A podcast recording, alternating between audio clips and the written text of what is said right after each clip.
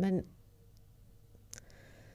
jeg tror at folk som tenker på å ta livet av seg, eller tenker at livet ikke er verdt å leve, de tenker ofte at det er ingen som kommer til å savne dem, eller at folk vil ha det bedre eh, uten dem, fordi de opplever ofte at det er en belastning. Men jeg har aldri hørt om et menneske som har tatt livet av seg, hvor det ikke har sittet igjen mange mennesker, og i hvert fall noen, som har lurt på hva, hvordan kunne dette skje, og hvorfor var ikke jeg nok til at du kunne leve videre. Eh, så jeg er helt sikker på, selv om ikke det kjennes sånn ut nå, at det vil være noen som vil sitte igjen med et stort savn. og mange ubesvarte spørsmål. Derfor så er det bedre å snakke med noen og få hjelp. Og livet blir jo bedre. Det blir bedre for de aller fleste hvis de får litt hjelp. Det har du sett mye av? Det har jeg sett mye av, og det er et lite mirakel hver gang. Og jeg har hørt folk som sier at um, uh, jeg, trodde ikke, jeg trodde ikke det. Jeg hadde egentlig gitt opp. Men det at noen kan være der og tro før jeg kan tro på det, og håpe før jeg kan håpe på det, det har gjort mye. Så hvis du ikke kjenner at du selv kan tro eller håpe på at det skal bli bedre, så få noen til å gjøre det sammen med deg. Da kan man tåle det bedre. Og vi har sett Og vi har hatt pasienter som har sagt at de har fått livet i gave, rett eller fått livet tilbake. Så det, det er sterkt.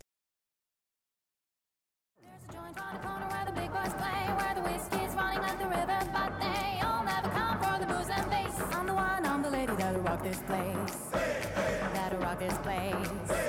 Gotta rock this place. Rock this place. Rock this place. Rock this place.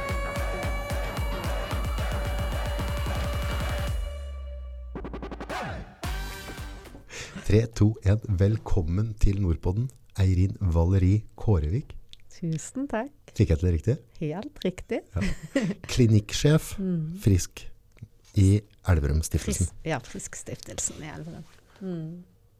Nå må vi følge med, folkens, for nå, dette her blir veldig veldig interessant. Dette er noe som berører alle.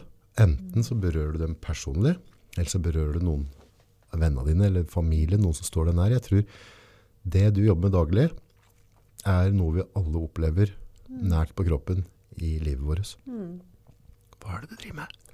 Jeg driver med eh, psykisk helse. Eh, og jeg er helt enig med deg. Jeg tror vi alle opplever det i løpet av livet. Og tror, og det pleier jeg å si også til pasienten, og til vi sier det til hverandre, vi som jobber der, at det er litt tilfeldig hvilken side av bordet du sitter på.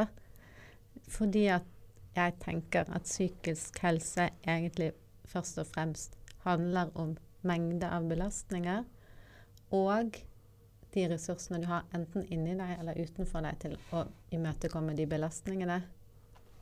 Det handler ikke om at noen er svake eller sterke. Det handler om hvor mye du har egentlig til å møte det livet gir oss i tur og orden.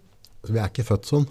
Nei, det tenker jeg ikke. Men jeg tror at noen er født med li eh, litt mer sårbarhet enn andre. Men jeg tenker at hvis mennesker er født litt mer sårbare og vokser opp i et hjem hvor de blir ivaretatt og får på en måte vokse som de skal og bli møtt, så tror jeg at de vil få det veldig fint. Ja, for ser vi ikke det For veldig mange av oss som lytter nå, eh, har jo unger. Eh, og det er jo ingen av ungene som blir like. Noen er litt mer robuste, Ja. og også noen er litt mer sårbare. ikke sant? Noen må du prate litt hardere åt, og andre er det bare nok at du ser på dem, og så følger de på det. Det tror jeg er veldig, veldig riktig. Men psykisk helse, Mm. der vet jeg at du brenner veldig for dette der med at det er, det er usynlig. Eh, Og, og folk kan ofte føle, altså hvis du da på en måte møter veggen, eller altså ting, at du har opplevd ting i livet ditt, og så, så synes de ikke, for du har jo ikke noe gips på armen, ikke sant? Og så føler de veldig, veldig på at folk tenker at nei, hun er inn, hun gidder bare ikke, eller hun syns litt synd på seg selv, eller det er litt stigma rundt dette. Ja, det tenker jeg, og jeg tror at eh, Jeg tror på, på en måte i psykiatrien så har det vært litt sånn at du At mange opplever at det er vanskelig å si noe om at man sliter psykisk. At det er Man kan godt si at man har brukket et ben uten at det gjør noe, men å si at man har slitt psykisk, det sitter lenger inne. Hvorfor det? Det har jeg tenkt veldig mye på. Jeg, Jeg tror det handler om flere ting. Vi diskuterte det litt på jobb i dag òg.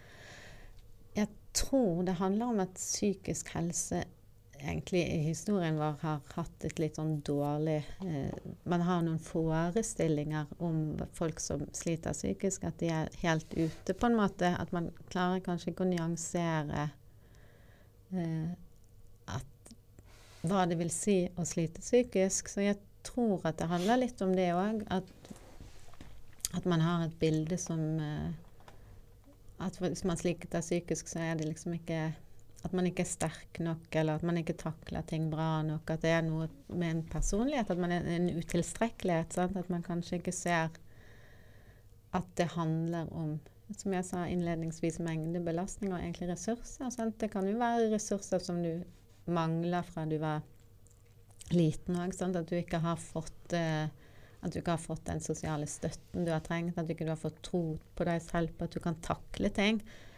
Eh, og det kan handle om eh, eh, at Jeg tror også at psykisk helse også handler om at man kan ha noen ressurser inni seg eh, i forhold til en forestillingsevne eller en måte man kan se for seg at man kan takle ting òg. At det, man kan hente ressurser både utenfra folk som støtter en utenfra, men også i seg selv. Og så tror jeg jo selvfølgelig at det handler om mengde belastninger og når det kommer. Vi vet noe om at relasjonstraumer eller barn som vokser opp eh, i familier hvor de ikke har blitt sett, eller de har blitt utsatt for vold, har mye vanskeligere eh, å få en god psykisk helse. Litt tilbake på det, på en måte, det synet, Mm. som på en måte den oppfattelsen rundt en psykisk, altså på en måte, det er ikke så lett å prate om, og, Mm. og der kan det kanskje komme en påstand nå, jeg innbiller meg at kanskje det har vært noen mannfolk inne i bildet, ja, på skapt det bildet der. det er jeg helt enig med deg der skal, vi er ganske flinke til å peke på dere, men der tror jeg kanskje det har vært noen alfamenner som har sagt at uh, slutt å pipe, ikke sant? Mm, det tror jeg du har helt rett i. Og litt sånn som Vi snakket jo litt før vi startet her òg, at mange menn kanskje tenker at det fins to følelser, Ja. og ikke så mye midt imellom. Men det er jo bare to følelser. Dette var vi enige om at det er jo ikke noe vi var jo ikke helt enige om det. Vi er glade, eller så er vi sinte. Ja, og så finnes det et sånt stort spekter innimellom der, sant? som på en måte jeg, jeg tror at hvis man klarer å lære noe om det, og gjenkjenne de følelsene i seg selv, Ja. at man ikke enten må bli sint eller være glad, så tror jeg at, eh, at man kan få det litt bedre. Er det mulig?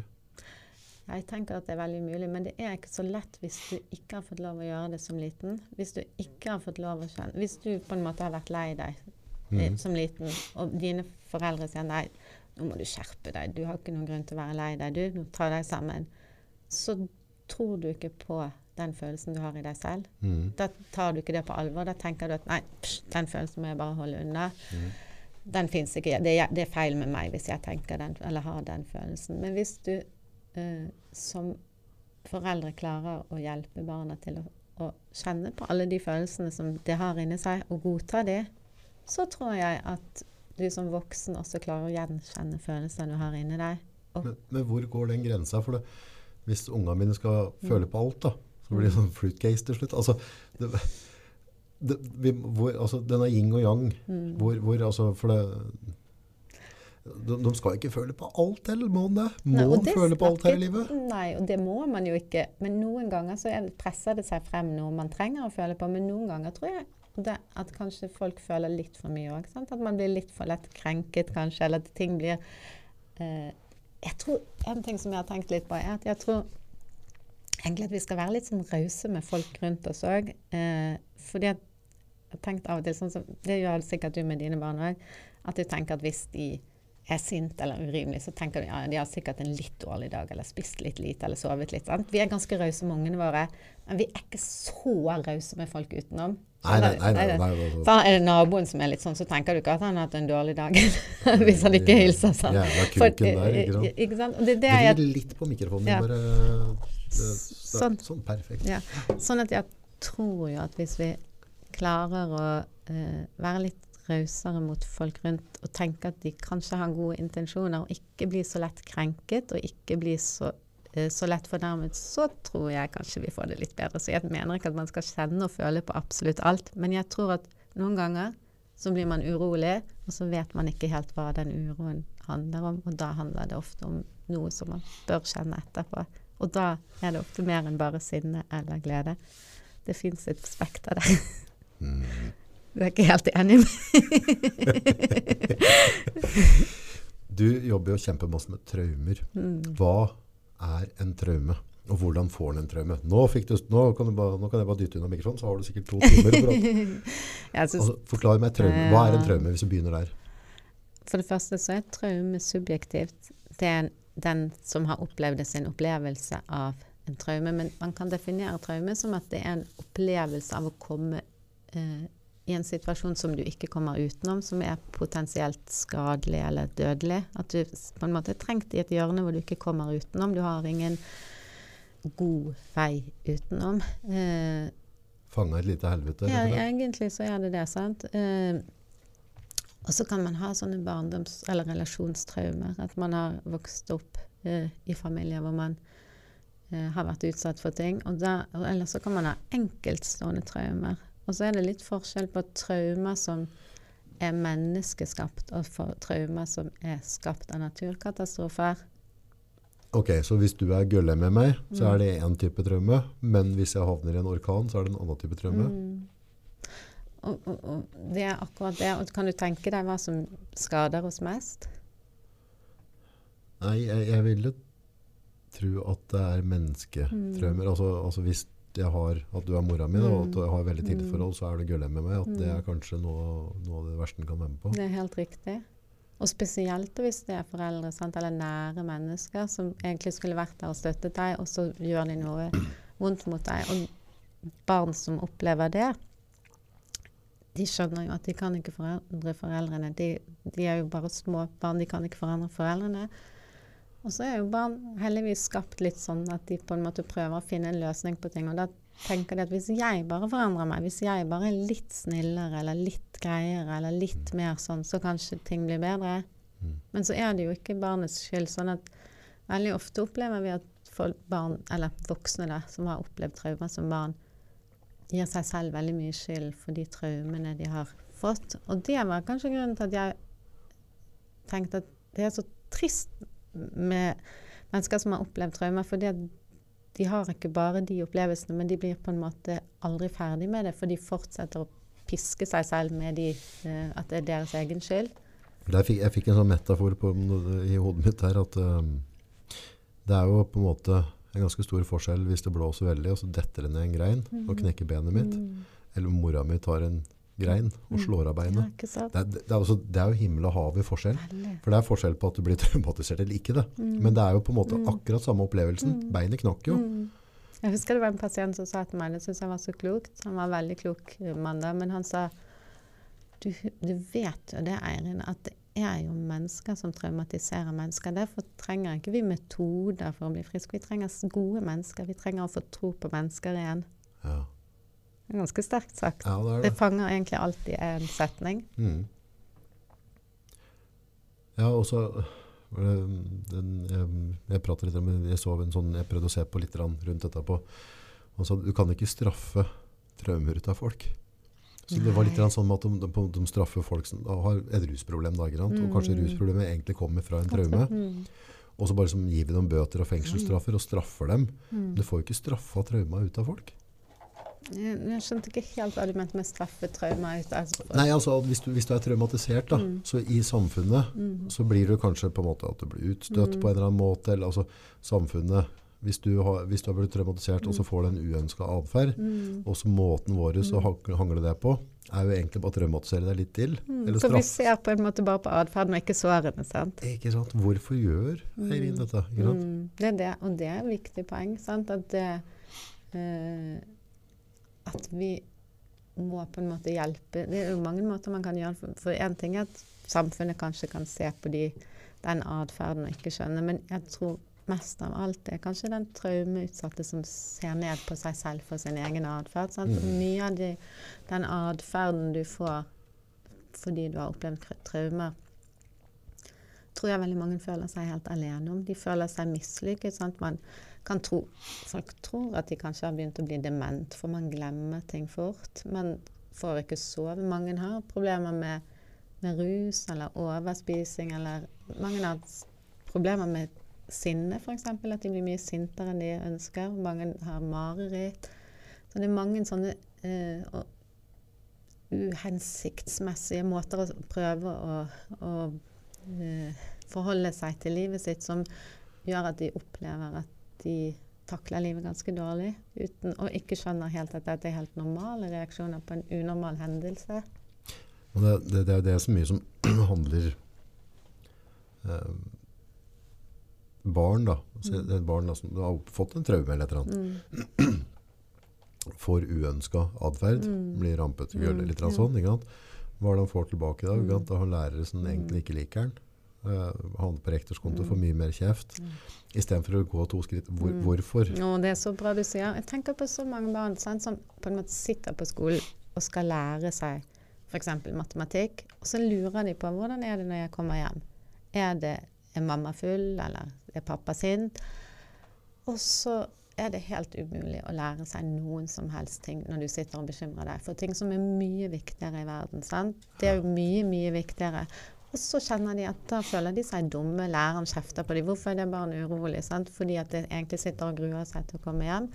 Så det er en del sånne faktorer som jeg tenker at eh, at det er så viktig at folk vet noe om det. Og jeg tenker lærere òg må vite noe om det urolige barnet, eller det barnet som ikke Mm, lærer noen ting. Hvorfor lærer det ikke noen ting? Og det barnet må vite noe om at det er ikke jeg, det er ikke du som er dum.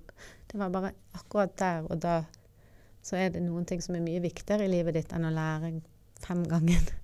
Jeg vet jo at du har engasjert deg veldig rundt dette der med å lære rundt dette. Altså, Hvis du går til en allmennlege da, som passer på barn og medisiner. Mm. Eh, Jeg vet i hvert fall eh, i, andre land da, så, så er det snakk om at de har tre timer på hele legegreia, de prater om traume omtrent. Altså, Mm. vi, de fagforskere da, som tar vare på helsa Mm. vår, de har fått, fått veldig, veldig lite verktøy å jobbe med da, for å plukke de tinga. Ja. Så i stedet for så, da gir vi medisiner Mm. eller antidepressiva, altså vi gir ting, Mm. og så har de kanskje egentlig ikke forutsetninger til å ha en forståelse. Nei, og det tror jeg nok er riktig. Og så tror jeg dessverre, og spesielt fastlegene i dag, de har det jo helt forferdelig situasjon selv òg. De har så utrolig liten tid. Så jeg, tviler ikke på at det finnes mange fastleger som veldig veldig gjerne skulle hjulpet, sant? og veldig gjerne ser og har kunnskaper, men de har bare ikke tid, eller de har ikke mulighet. Og vi ser jo, vi har jo en ganske stor innsøkning hos oss òg. Og veldig mange sier at det er som å komme gjennom nåløyet hvis de først blir søkt inn. ikke sant? Så det er nesten, ja, ikke sant? Og, så, og de kommer videre fra DPS, mens på DPS fra, kommer- DPS, hva betyr det? ja, Det beklager jeg at jeg ikke forklarte. Det, Nei, nei. DPS er eh, hvis du kommer til en fastlege, og så ser han at du sliter psykisk, og så skjønner de at kanskje du trenger å ha noen å snakke med. Da søker de deg videre til noe som kalles distriktspsykiatrisk eh, ja, DPS. Eh, nå står det litt stille. Men i hvert fall eh, alle, alle byene har et sånt sted som heter DPS, som er eh, distriktspsykiatrisk senter, heter, det, betyr det. Eh, hvor du kan få hjelp av psykologer. og sånt. Men da må du også være ganske dårlig for å få den hjelpen. Så det er ikke alltid like lett, Det ikke lett å komme inn der, Det er ikke lett å komme inn der heller. Og, og det ser man også på skole, sant? f.eks.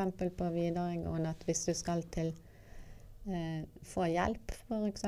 på BUP, så må du nesten være suicidal for å få Altså ha lyst til å ta livet av deg for å få hjelp. Sant? Sånn at jeg tror at jeg tror det er mange som har kunnskap og som vet om det, men at det er veldig vanskelig å få plass, rett og slett. Det er litt dumt da. Det er veldig trist, og jeg tror at vi kunne gjort veldig mye hvis folk fikk hjelp litt tidlig òg.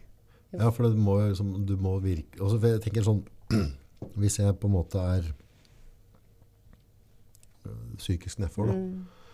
så, så er jeg nok ikke den første til å, å gå Mm.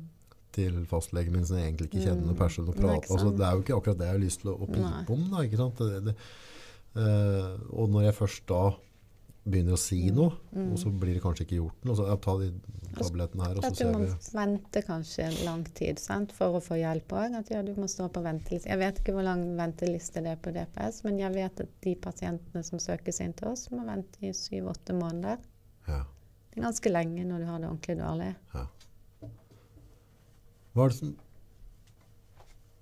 Hva er det som fikk deg til å, å, å brenne for dette her? Ja, det kan du se. Hva, hva, har, har du, altså, vendepunktet ditt? Hvorfor? For det, jeg blir jo litt imponert over folk som som uh, vier livet sitt til andres fordervelse, holdt jeg på å si. Altså, det er jo en del triste skjebner og mye folk som er lei seg, mye, mye Ja. tunge historier. For- det er noe å utsette seg sjøl for. Mm, for jeg, jeg kan jo svare på det første. første. Det var litt tilfeldigheter som fikk meg til å komme bort i dag. Jeg jobbet som lærer først, og så har jeg så mange barn selv at jeg tenkte jeg måtte gjøre noe annet enn å bare jobbe med barn. Så Hvor mange har du? Fire. Eh, og så eh, tenkte jeg at da får jeg prøve I januar så tok jeg sykepleien, og så hadde jeg egentlig lyst til å bli jordmor. Men så var jeg i praksis på Sanderud, og så syntes jeg det var kjempespennende med psykiatri. Og så opplevde jeg etter hvert at um, at jeg skulle ønske at det skulle være noe annen type psykiatri. Jeg har veldig tro på at folk eh, får lov å være med og bestemme hva som er bra for en selv. Jeg tror ikke så mange andre kan si hva som er bra for andre. sånn at jeg hadde veldig ønske om å være, ha en type psykiatri hvor det ikke var noen som fortalte at sånn og sånn skal vi gjøre med den, men at folk får være med og bestemme det litt. Sånn at når Friskstiftelsen startet, og jeg fikk mulighet til å begynne der, så eh, ble det veldig viktig for meg eh, å få lov å være med på det. Um, og så er det jo Vi opplever jo at vi kan hjelpe folk. Vi opplever jo at folk får det bedre. Vi opplever jo utrolig mange gode tilbakemeldinger på folk takker for at de liksom har fått livet litt tilbake. Så vi ser jo at det nytter. Vi ser jo at det hjelper å gjøre det. Og det er utrolig motiverende. Ja. Jeg tror ikke man kan ha en mer meningsfylt jobb enn det.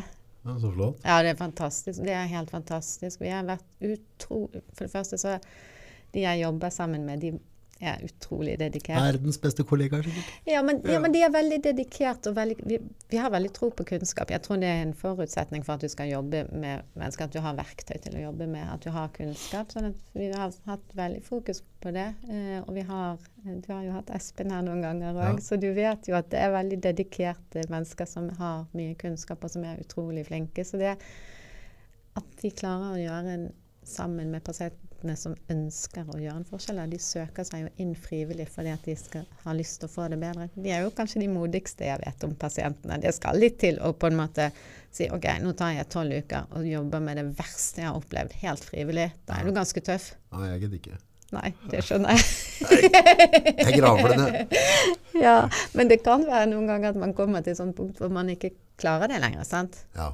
Hvor man bare kjenner at nå må jeg gjøre noe hvis jeg skal få et godt liv. Eh, Hvor, hvor går den grensa? Altså, hvor lenge for det, vi, har- inne, vi har prata altså, Mannfolk er veldig gode på sjølmord. mm, Uh, best i klassen der. Mm. Og, og ja, hva er grunnen? Er det, ligger de i, naturen vår, så er det for at vi graver ned, graver ned ting som er tungt å tenke på. Altså, men Mm. hvor går, når bør folk spørre om hjelp? Altså, når, er det du har du, noe, noen signaler der jeg på en måte kan si at ok, jeg tror pokker meg at den atferden jeg har nå, det skyldes en traume jeg må jobbe med? Mm.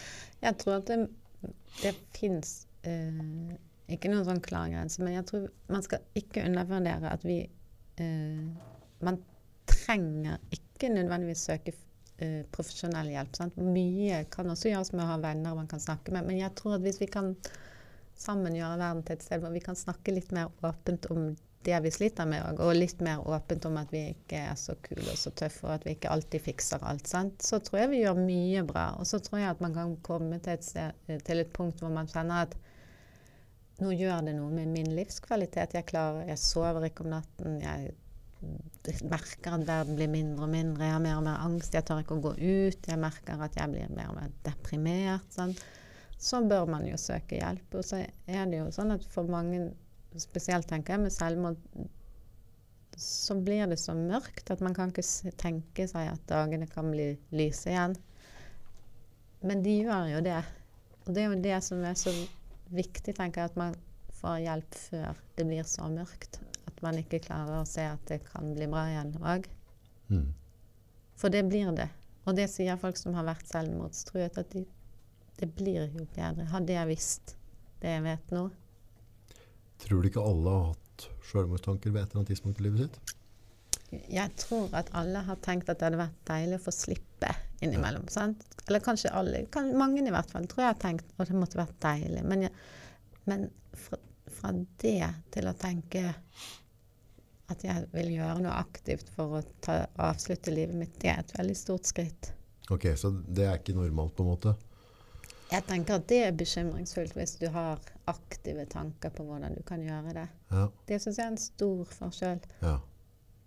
Og det tror jeg er viktig å snakke om òg. Og noen er jo redd for bare å snakke om det òg, eh, fordi at man tenker at da blir det mer alvorlig. Eller det blir. Men jeg tror at det er viktig at man snakker om det. Det er viktig å snakke sammen med andre. For jeg tenker at jeg tror ikke det er så bra å tenke for mye alene. Jeg tror vi trenger andre å snakke med andre hjerner og dele tankene våre med. Det tror jeg er veldig utfordrende for mange hvis du skal på en måte snakke om for det.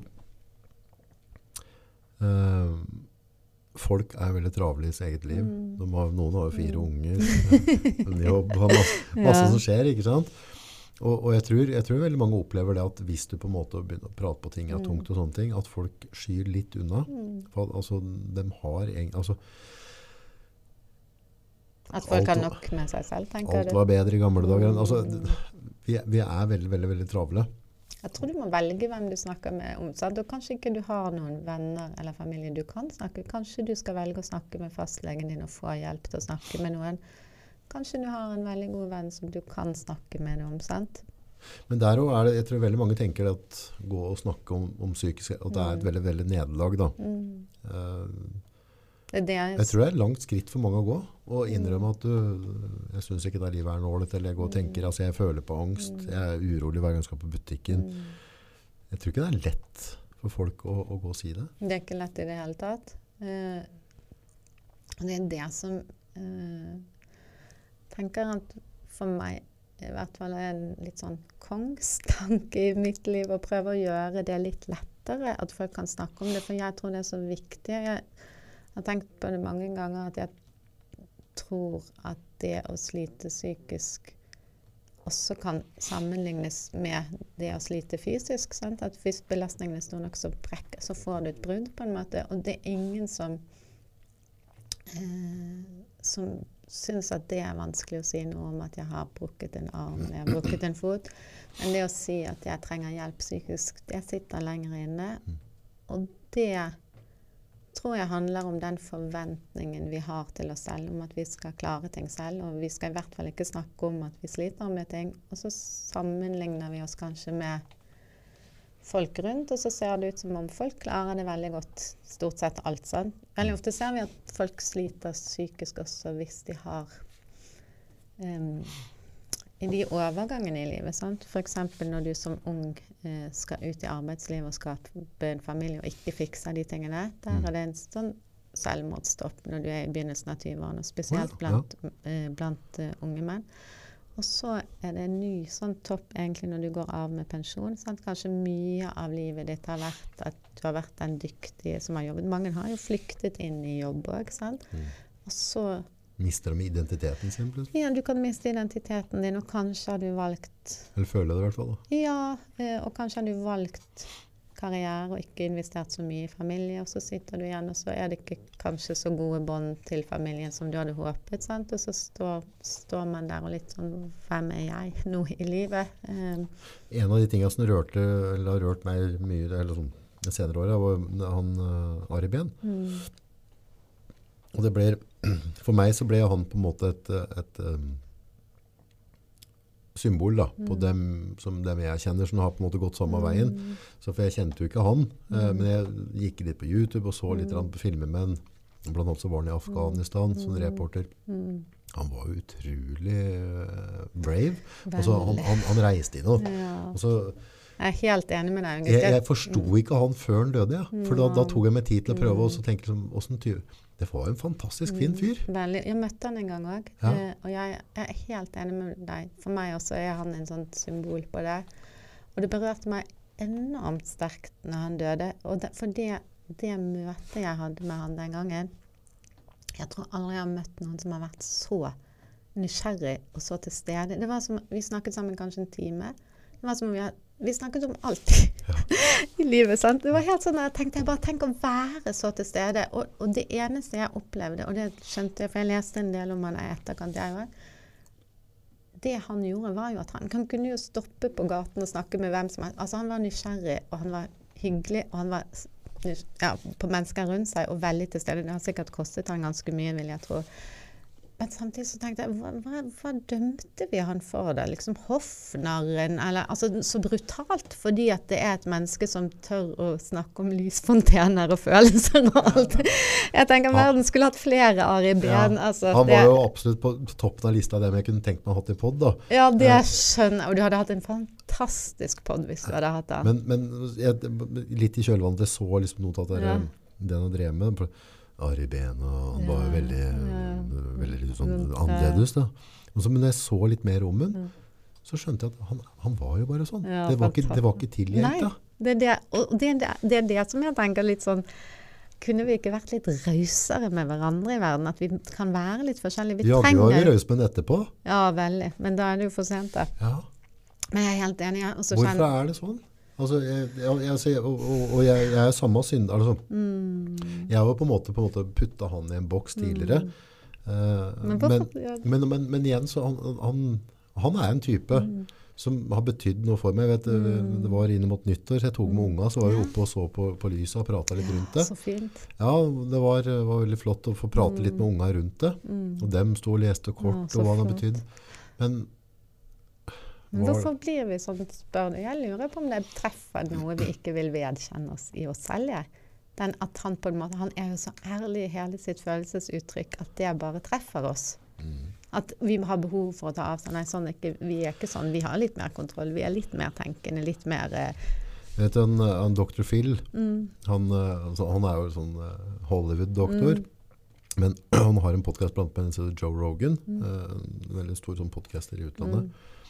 Og så så jeg den podden, og han Dr. Phil ble jeg veldig veldig glad i. Mm. Altså Han var eh, en fin fyr. mm, Men han sa, hva faren hans har sagt eh, Det var en eller annen kar han ikke likte. da. mm, Og så Den mannen der, han har noen sider av seg selv som Mm. jeg ikke er veldig veldig glad i. mm, Eh, og jeg tror kanskje de sidene Ari Behn hadde, mm. er dem jeg er litt flau over Ja, eller ikke ikke ønsker å ha Ja. fram. Og da blir det litt reaksjoner. ikke sant? Ikke sant? Jeg tror du har helt rett. Det er litt sånn For kleint når du står og snakker så mye om følelser. Sant? Så, så hadde det ikke vært for at han traff et eller annet i meg da, som jeg syns er ukomfortabelt, Mm. så hadde jeg heller kanskje ikke dømt han tidligere. da, ikke sant? Akkurat tror jeg er helt inne på saken der.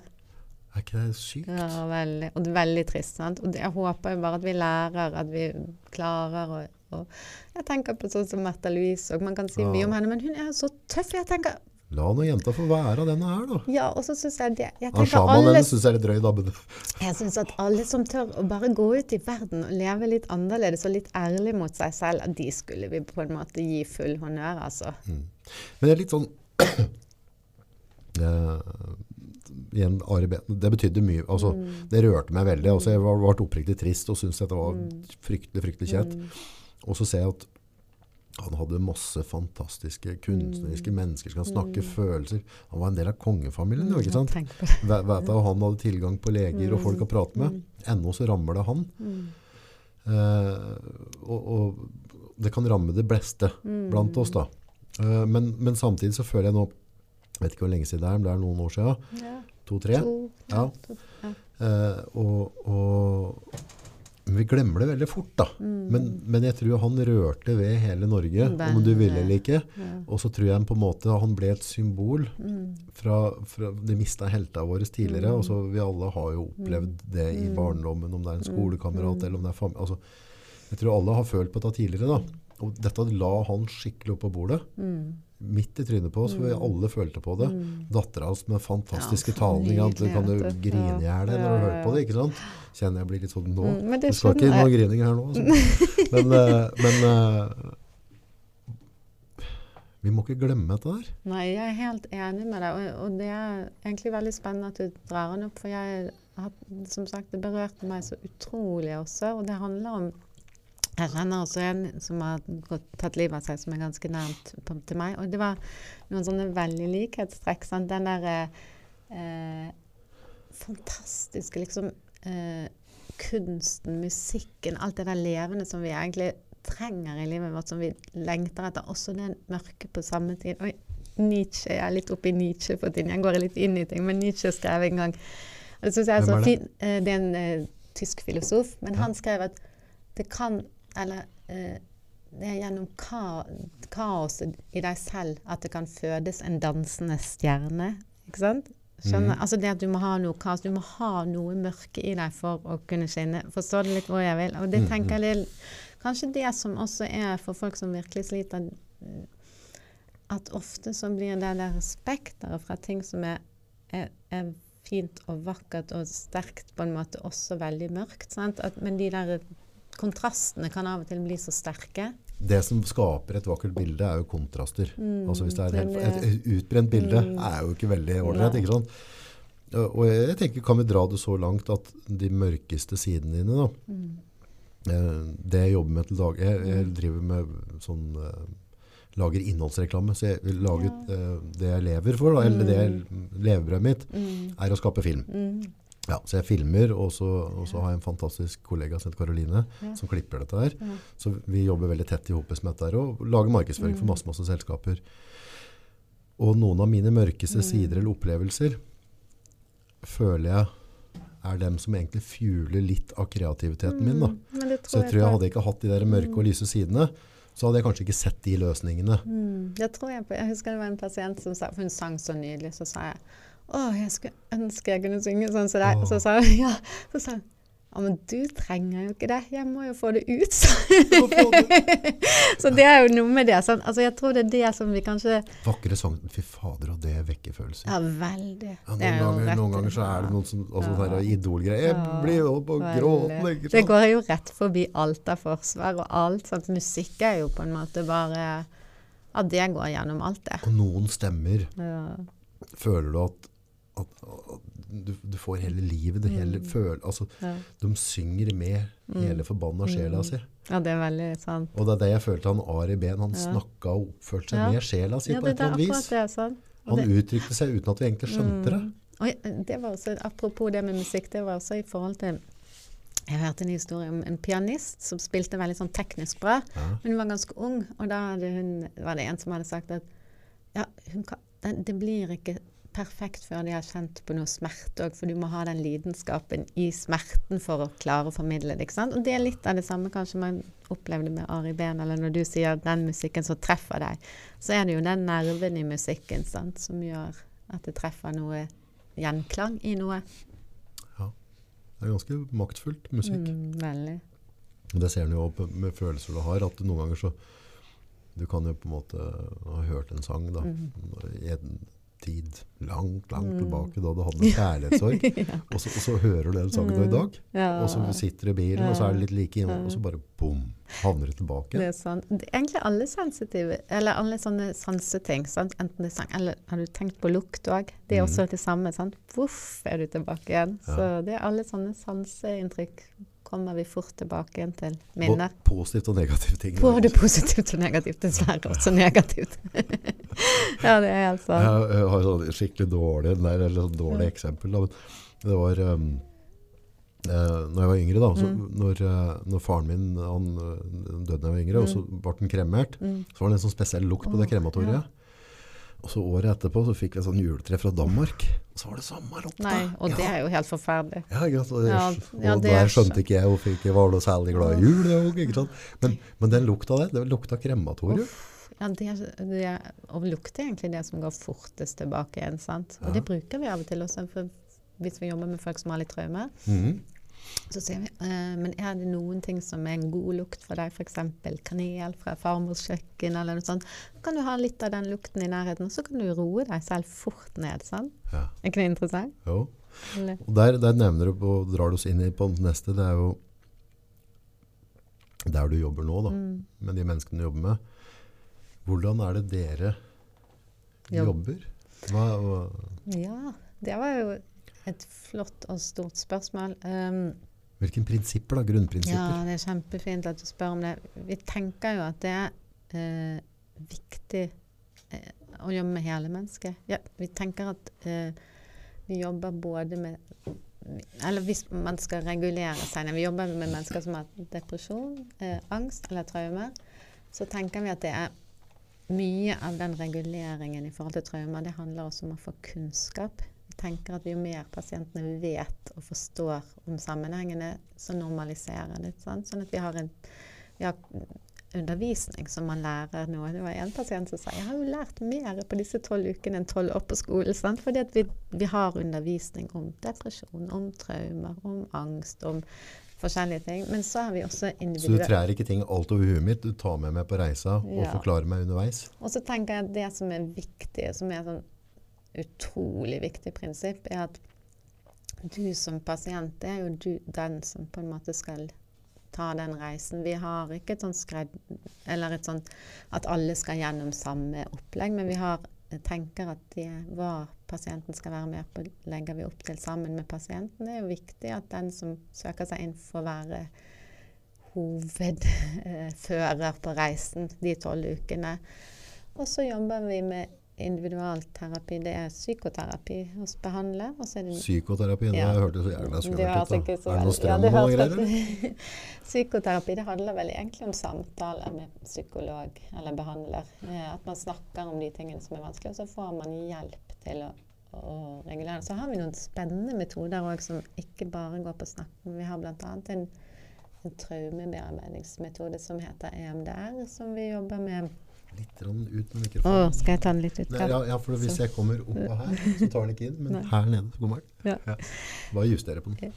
Nei, så, som heter EMDR, som også vi jobber med traumer eh, med en litt sånn bilateral stimulering, hvor du. Ja, bilateral. Det betyr egentlig at du enten kan du følge et lys eh, med øynene dine, eller så kan du følge fingeren. Og Den, Litt sånn eh, hypnoseaktig? ja, litt, men, og det er ikke helt Skal jeg fortelle deg historien bak det? For det er egentlig en fin historie. Det var en som heter Shapiro, som fant ut av dette på slutten av 80-tallet, tror jeg. Hun var hjerneforsker, det er nok derfor hun har klart å finne ut av dette, for det tror jeg ikke så mange andre hadde funnet ut av. Men så hadde hun fått vite at hun hadde fått kreft. Ja. Og så gikk hun gjennom en park, eh, jeg tror det var i New York, og så så hun at trærne på hver side av veien, de, hun så på bladene i trekronene på hver side av veien, Vaia. veiet, og så flyttet hun blikket frem og tilbake liksom mellom disse trærne. Og så når hun kom ut på andre siden av parken, så tenkte hun, det er litt rart, jeg er i litt bedre humør nå, jeg skjønner ikke hvorfor. Ja. Og så eh, begynte hun å forske på det, og så når man sover og er i sånn rem-søvn, så ser vi at øynene beveger seg litt sånn frem og tilbake. moment. Nemlig, og derfor EMDR, sånn. Ja. Eh, og så utviklet de en metode hvor man kan eh, jobbe med å redusere ubehaget man har etter ubehagelige episoder eller traumer. Ved, for du vet når du sover, så prøver vi ofte å prosessere, eller vi prøver å bearbeide det man har opplevd. ja. Og, og det gjør man jo gjennom søvn. Men noen ganger opplever man ting som er så vanskelig å bearbeide, for det, det er så overveldende for hjernen. Sant? Du klarer ikke helt å bearbeide det. Da våkner man ofte av mareritt. Og da kan man bruke denne metoden sånn at man kommer liksom litt ut av det marerittet, eller litt ut av den traumen, og får bearbeidet den, da, sånn at man får, eh, Ja, for- det litt bedre. Der har jeg hørt noen, altså når vi er på det med, med søvn Ja. og den rem, da, Ja. altså at øya går og Mm. så mener jeg hørt noe om at altså hvis du har søvnforstyrrelser, da, Mm. og du snyter kroppen din for den rem-søvnen, Mm.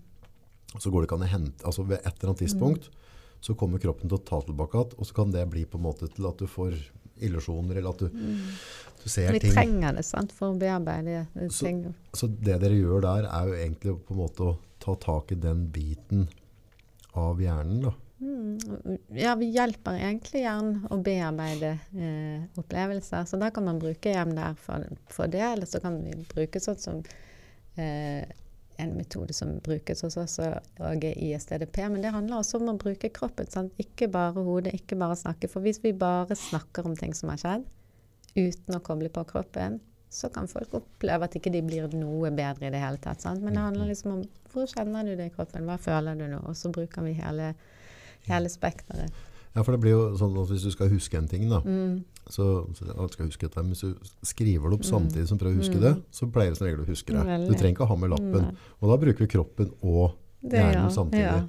Det er en veldig enkel måte å se det på, da. Men Ja, men, og det er viktig. Også, så, det er en av de at vi har der sånn, det som jeg kalte psykoterapi, at du snakker med en behandler, eller går til behandling individuelt. Hvis du spurte litt sånn hvordan vi jobber. Og så har man en, eh, miljøterapeut som er koordinator, som, hjelper, som følger opp med ekstra samtaler. Og så har vi en del ting som hvis man skal jobbe med skikkelig kjipe ting, så er det bra å ha det ganske bra òg, tenker vi. sant? Vi kan ikke bare jobbe med det kjedelige og det vonde, for da blir det ganske tungt.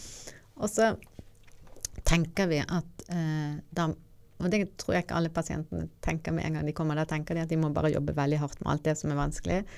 Men det er litt sånn som med trening, at for å bli god, så må du både trene og restituere. sant? restitusjon er det viktigste. Det er det viktigste. Så da fyller vi på med gode ting, og vi prøver å fylle på med gode opplevelser. Så vi har bl.a. klatring og rideterapi, sanggruppe, yoga. Mye andre ting som vi tenker er så viktig uh, for å kunne orke å få på en måte toleranse til å orke å jobbe ordentlig med ting som er vanskelig. Og så tenker jeg at 50 av behandlingene er egentlig å møte andre pasienter som er i samme situasjon som deg. Det er veldig viktig. Litt av det med pause og det Hvis jeg har hatt venner da, som på en måte har mista noen nære, eller som er i en sorggreie, og så, så øh, Hvis det er sånn at jeg prater med dem, eller at de ønsker å prate, så har jeg alltid vært liksom opptatt av at du kan se en sorg da, som en drukning. At, altså, du, du, blir, du presser under vann, du får ikke surstoff, men en gang iblant så får du nesa og munnen overfor. Eh, og da er det veldig mange som får sånn dårlig samvittighet. For at, skal jeg, skal jeg liksom, hallo, skal jeg ha det hyggelig her nå? Altså, alle har vært på et etterpålag på, på en begravelse. Så er folk i jævla godt humør. De flirer som tåren triller. Og, Men det handler jo om, i en sånn prosess, hvis du får den restitusjonspausa, så fyll opp lungene, er du snill. Pust, pust, Ja, pust, ja. og ha det gøy. Ja.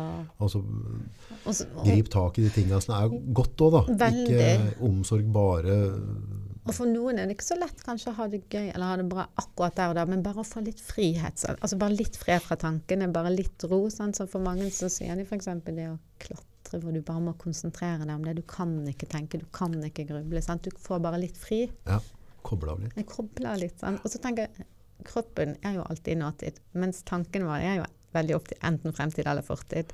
Eller Ja. har du aldri hatt det sånn? Jo, altså, altså huet ja, vi er, altså, Jeg er jækla dårlig på nåtid. Ja, de fleste er det. Og jeg hørte et sted de sa at man kan egentlig måle litt hvor lykkelig et menneske er i forhold til hvor mye de klarer å være akkurat i nåtid. Mm. Jeg tror at vi kunne alle gjøre mye for å være mer i nåtid.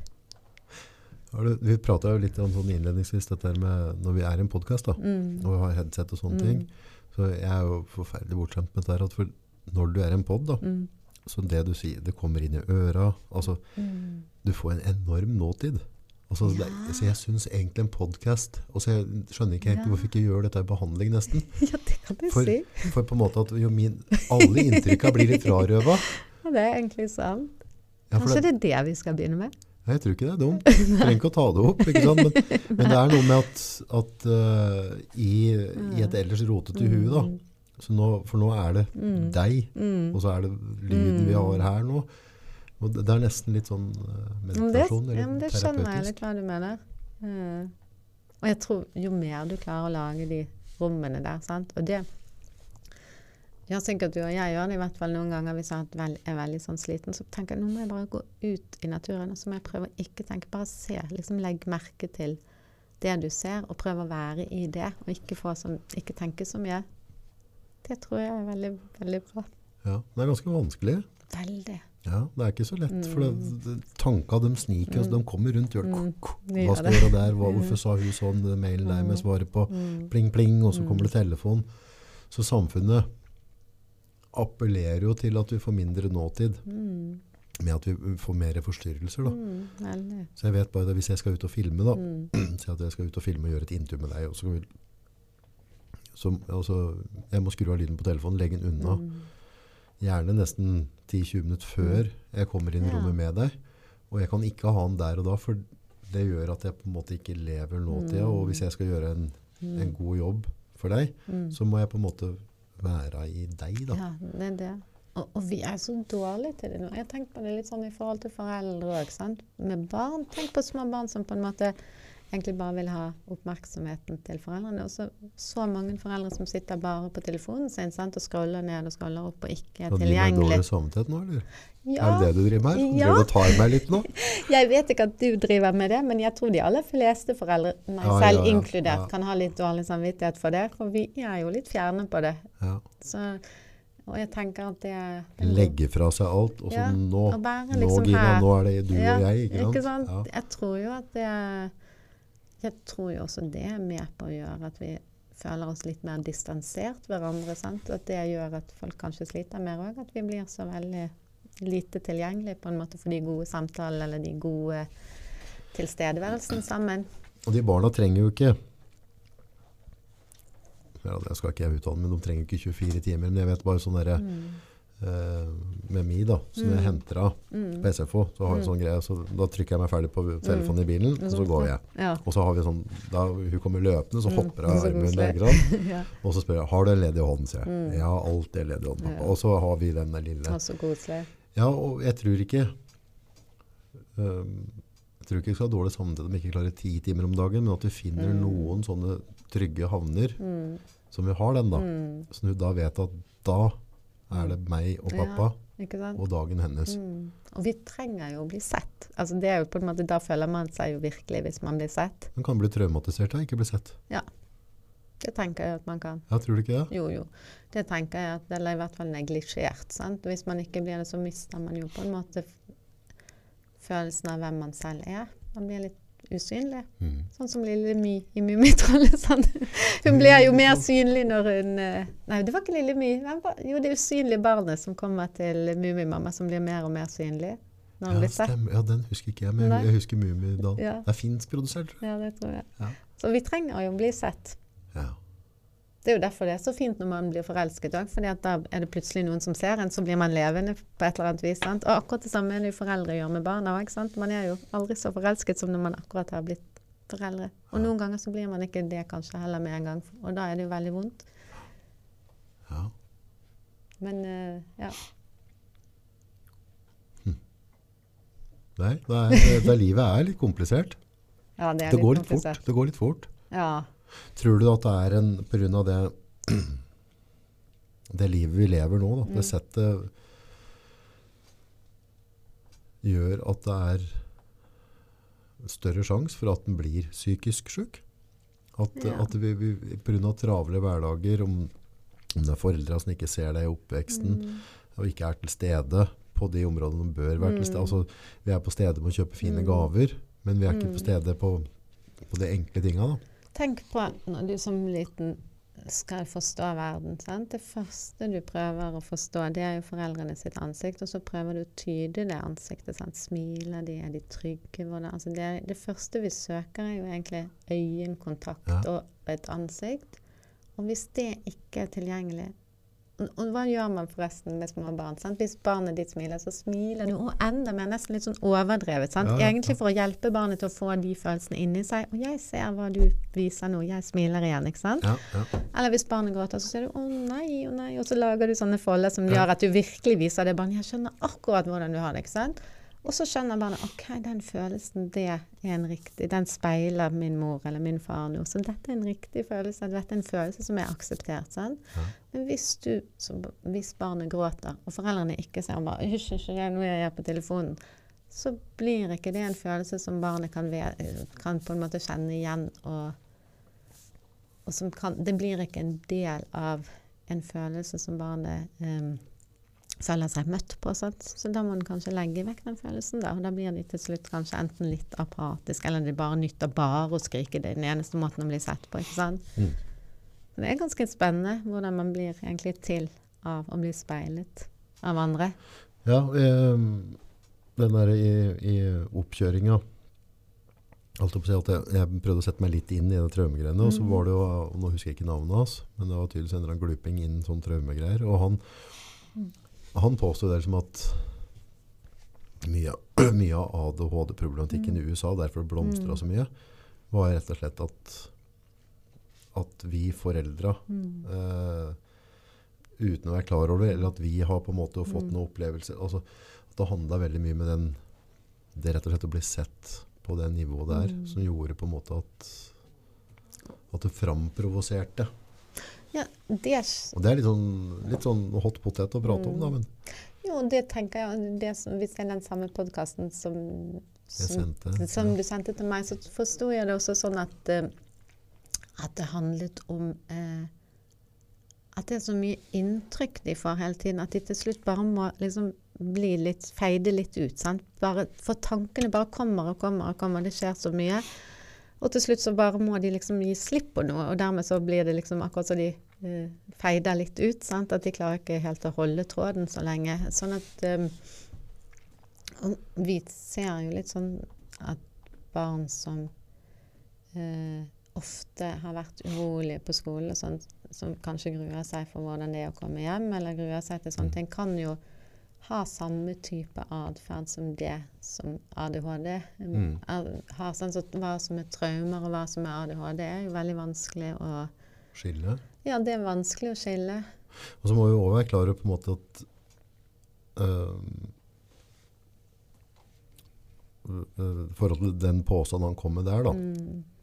så var det, det var mye mer nyansert enn det jeg sier nå. Så det, Mm. selv om hvis jeg da har et barn da, som har ADHD, så er det ikke dermed sagt at, at, at jeg driver med omsorgssvikt. Nei, nei. nei. Altså, men, men at menneskets natur, du prater med dem med blikk, det kontakt altså, det, Men det er også et viktig poeng det du sier. Sant? Det kan andre Det kan jo være flere grunner til at man har det. Så det er jo viktig å ikke heller sette de foreldrene i bås eller stigmatisere de. Sant? Ja, for det, det kan gjøre litt tungt for meg som forelder, da. Ja, hvis jeg går og spør om hjelp, Visst. og så bare ja. blir jeg satt i en båt. Der er han der omsorgsduden, ja. Mm. Han som på en måte gjør barnet sitt utrygg. Det trenger jo ikke være så enkelt, for å si det sånn. Nei. Nei. Nei da. Er det, men en annen ting rundt det med traumer som jeg syns er fryktelig interessant, Mm. er jo at det med å, å hva, Altså det er forskjell fra menneske til menneske når man blir traumatisert. Mm. At noen kan på en måte bli traumatisert på, på, på énmeteren Mm. på når du skal hoppe. Andre blir på timeteren. Man kan, man kan se at folk som har opplevd traumer i tidlig alder, har lettere for å bli traumatisert senere. Sant? For det er akkurat som om du, det ligger mer labilt i, på en måte i hjernen. At man opplever eh, sterkere eh, traumer på en måte. Det er akkurat som man kan si at den reptilhjernen eller den brannalarmen går litt fortere av. sant? Ja. Eh, fordi at du kanskje ikke har heller hatt så god evne til å regulere deg. sant? Fordi det jeg sa litt i sted i forhold til foreldre som speiler barnet, det blir jo Man sier jo på en måte at man har foreldrenes stemme i hodet senere i livet. ikke sant? Mm. Har du en mor som sier 'dette går bra, dette fikser vi', Ja. så sier du det til deg selv. sant? Ja. Har, du, har du foreldre som sier 'nå må du skjerpe deg', eller 'ta deg sammen', og 'hva er det du driver med', så fortsetter man å si det litt til seg selv. sant? Så veldig mange av de som har tidlige traumer, de har kanskje ikke hatt foreldre som har hjulpet dem til å takle de traumene. Eh, Og det kan jo komme så enkelt som at, at, eh, at eh, mor får kyssesjuka mm, og, og sover døgnet rundt, er Mm. fryktelig fryktelig Mm. sliten i en sårbar fase. mm, Og det har ikke noe med at, at mor er noe ond eller noen ting. Altså, men Ja. bare i en sårbar fase så kan et barn oppleve ting som skjer familiært, eller at, at uh, pappa mister eh, mora eller faren sin og er fryktelig fryktelig trist i seks måneder. mm, Altså, det kan jo påvirke veldig. barn sin sinn. mye mye mer enn det vi egentlig tenker over. Og så er det, det er jo bare livet som skjer. Mm, Det var, ikke, det var jo ikke at pappa var slem, men det var bare at i den fasen så var han Mm. forferdelig trist. Mm. Ja, det var en sånn krisekonferanse på Gjøvik i dag, så jeg hørte litt på det eh, i dag. På, det var en sånn webinar. Og da en som heter Finn Skårderud, du er kanskje kjent med han, men er psykiater, bl.a. jobbet med spiseforstyrrelser. Men han sa vi må ikke snakke så mye om psykisk helse som det er en ting inni hodene våre. Det er Psykisk helse er en ting mellom oss mennesker. Ja. Det var godt sagt. ja. Og det er jo det det handler om. sant? Det handler jo om at det er jo relasjonene våre som gjør at vi ofte sliter med psykisk helse. Mm. Det er nesten litt sånn smittsomt. Ja, veldig. Og det sier man jo. Det er jo skrevet Det Det er derfor folk holder seg unna. Da. ikke At når folk er mentalt dårlige, at folk trekker seg unna, at de er redde for å bli smitta. Vet du hvorfor, man- hvorfor det er litt smittsomt? Som Nei. du sier, det er jo ikke smittsomt. Men eh, vi er veldig eh, Vi har noe eh, i hjernen vår som kalles speilnevroner. Okay. Og det gjør at hvis du eh, snakker med noen som er veldig tung, Mhm. så for, tuner på en måte Så forstår Eller la oss si at jeg drikker av kaffen her, Ja. og så tar jeg en slurk av den. Så kan du eh, bare ved å se på det forstå egentlig hva som skjer inni hos meg. Ja, Det, det var funnet ut med at de skulle forske på noen aper, og så fant de, hadde de sånne elektroder. Og mens det var en sånn pause, så så de at det var en ape som begynte å spise en banan, og så så de at den andre apen som satt og observerte den apen, hadde samme reaksjon i hjernen som den som spiste banan. Så begynte de å forske på dette, og det er ganske interessant. Ja, ok. Så Sånn han fikk liksom det før. Samme, samme ting skjedde i hjernen til den som så på. ikke sant? Og der ser man at hvis man har, hvis man har eh, er sammen med folk som er tungt deprimerte, så ser vi og skjønner ut fra kroppsholdningen og ut fra hvordan de sitter, at dette mennesket har det ganske vanskelig. Og hvis vi er veldig glad i det mennesket, så har vi ganske mye empati for det mennesket. Og da tuner vi oss enda mer inn på det mennesket. Og da opplever vi at den følelsen som det andre mennesket har, den kan på en måte vi ta inn i oss og kjenne på selv òg. Og det har du sikkert merket at hvis døtrene dine ikke har det bra, da har ikke du det så veldig bra heller. Sant? Jo mer empati, jo mer glad du er i folk, jo mer smittet blir du. Eller du kan ha møtt folk hvor du bare tenker 'Jeg skjønner ikke jeg blir så tung', altså. Dette. Man sier kanskje det suger energi, eller at du får energi. Men da er det speilnevronene som smitter litt over. Eller ikke smitter, men de utløses i deg, da. Merker du bare nå jeg, i, i måten vi prater nå, Mm. da, for du, du har en, en eh, altså du har en rolig du har en rolig kroppsholdning, du har en Mm. rolig måte å prate på, du har ikke aggressive altså du er, du er, Jeg skjønner jo at du jobber med det du jobber med. Da, da, da blir jeg litt roligere, jeg òg. Ja. For ellers er jeg kanskje litt mer sånn der bus og brr, brr, litt mer der, ikke sant? Søler rundt med kaffe. Mm. Men du tuner meg ned. Mm. Og så er du litt med samtalen, prat på, mm. tenker litt på harde ben, altså, du, får meg, Mm. du får meg inn i en annen type modus, og det er noe som speiler fra deg over på meg nå. da. Og det er jo egentlig smart, tenker jeg. Sant? For vi er smarte mennesker. Vi prøver å tune oss inn sånn at vi på en måte Det er jo absolutt den beste måten å ha en dialog på. Sant? At vi er litt sånn på linje. Ja. Uh, mens hvis vi hadde hatt veldig forskjellig utgangspunkt, det er jo da man kjenner det lugger litt. Sant? Hvis, og det er jo det som egentlig Igjen tilbake igjen til det barnet da, som blir speilet av foreldrene òg. Da lærer det seg å tune seg litt. Det lærer å se, tune seg litt inn på andre. Det lærer å tune seg eller å, å, å selvreflektere litt hvordan virker jeg òg. Og det er jo på en måte det som er det vi trenger i det mellommenneskelige, å kunne liksom tune oss litt inn på hverandre eh, for å få det til å fungere. Men det handler jo om kommunikasjon. Mm. Men for alle er jo ikke det så lett. Nei, og det, det er ikke noe lett i hverdagen min. Nei. Men når jeg, når, når, jeg, når jeg sitter i en podkast, da, Mm, mm, og på en måte med det, i den settinga jeg gjør nå, mm, så hjelper det meg mm. i å, å kommunisere på en annen måte Ja. Enn om du hadde tatt meg liksom, i det full fart. Jeg parkerer Mm. bilen, er på tur ut og må innom og handle. Ja. ja, det skjønner jeg. Men det er veldig spennende det der med speilnevroner. Jeg, tenker, hvis, jeg bruker det ofte på ja, eh, som eksempler på pas, for pasientene òg, for de har jo en sånn dagligstue. Sånn det, og der sitter de ofte. Sant? Og noen ganger er det, kan man liksom Og i hvert fall hvis man er litt sensitiv òg, så kan man godt kanskje kjenne at Oi, nå skjer det noe med meg. Og så vet man egentlig ikke hva det er. Og så er det kanskje egentlig ikke deg selv det handler om. Sant? Det kan være den som sitter ved siden av. Og være litt sånn obs på hva Prøve å skille litt av og til. sant? Har du opplevd det at du har vært sammen med noen og ikke helt skjønt hvorfor du har liksom blitt så påvirket? Ja, ja absolutt. Ja. absolutt. Så, så han blir jo veldig påvirka av miljøet rundt seg. Mm. Eh, hva de sier for noe? Jeg lurer på om de har forska på det. Altså, Mm. altså velge dine venner med omhu. Altså, du, blir, Mm. du blir gjennomsnittet Mm, av de fem menneskene du Mm. omgås mest. Mm, det er helt sant. Det er litt rart, da. Det er litt sjukt. ja, det er litt Ja, sykt. så jeg tror på Harvard eller noe de hadde studert på Ja. her, som forhold til på en måte Mm. studiemiljøer, og hva, Mm. hva begynte folk å jobbe med Mm, Og du blir liksom snittet Mm. av de fem menneskene du omgår. Og, Mm. Det, da er jo, kan man jo snakke om at noen er veldig heldige. Sant? Så tenk hvis du vokser opp, i, vokser opp i en familie hvor det er veldig fint og bra. mm, Sant? Så blir man jo påvirket av det. mm. Og har på en måte et veldig godt utgangspunkt. Hva bør vi tenke mer på? Altså, du jobber jo med Mm. mennesker som på en måte har Mm. opplevd ting som, som har påvirka dem Mm. veldig, veldig. Altså i den Mm. grad at, at de ikke kan leve et Mm. helt normalt liv. At de må ha hjelp. Men hvordan kan vi unngå Å komme dit. Ja, for, for, for Ja. det er jo alltid sånn. Det er jo veldig bra. Vi må jo på en måte hjelpe. Men det jeg skjønner dere gir jo lærdom ut.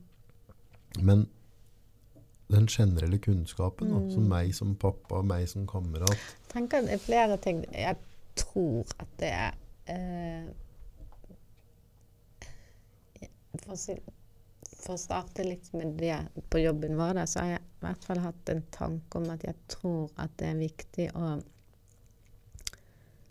At vi tør å være litt sårbare og gjøre litt feil òg. At det er en ting vi kan tolerere. For jeg tror at mye skjer i en utvikling av at vi også gjør litt feil. At vi kan ha litt toleranse på å å vise oss litt sårbare òg. Og, være, gjøre litt feil. Det tror jeg er en viktig ting, og som gjør at vi kanskje kan få samfunnet vårt litt mer menneskelig igjen. Sant? Vi er jo blitt litt sånn Det er jo generasjon prestasjon. De unge skal prestere på så mange ting. Og jeg tenker at vi burde Altså vi burde rett og slett hjelpe dem å gjøre livet litt mer eh, si, ikke fullt så glanset, for det er jo ikke så glanset. Livet er jo Man skal jo gå gjennom livet og kjenne på ting. Altså, du går ikke gjennom et liv uten å ha hatt kjærlighetssorg, eller uten å ha gjort noen feil og tråkket på noen feil. Da lærer du i hvert fall veldig lite. Sant? Og, og det å kunne si unnskyld òg. Nå gjorde jeg skikkelig feil. Sant? At vi som foreldre kan lære barna våre å si unnskyld, det skulle jeg ikke ha gjort, det var feil. Det tror jeg er en viktig ting. Og det lærer vi med å si unnskyld til dem, da.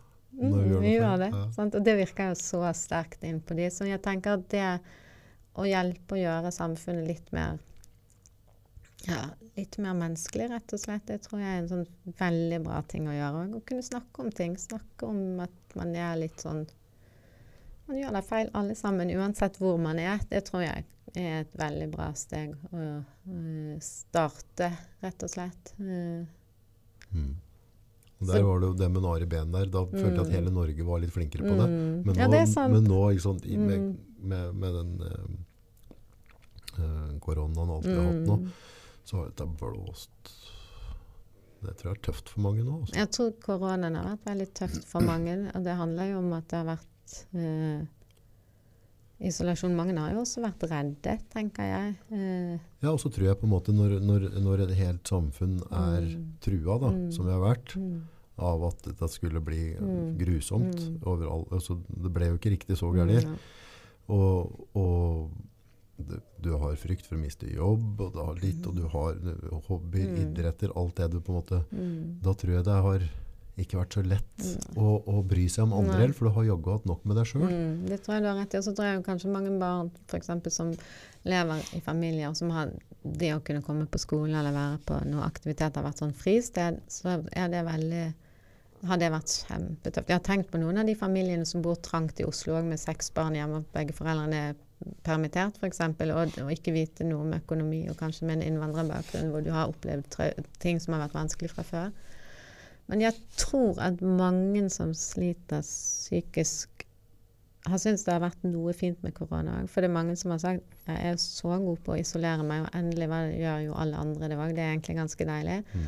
Så jeg tror ikke at vi Jeg tror vi skal ikke undervurdere det at samfunnet åpner opp igjen nå også er litt tøft for noen. sant? For plutselig så er det tilbake med bilder på fester, eller sånn som når det åpnet opp i Oslo hvor alle skulle ut. Mm. Eh, Så tenkte jeg det er ikke så lett for de som ikke har noen å gå ut med da.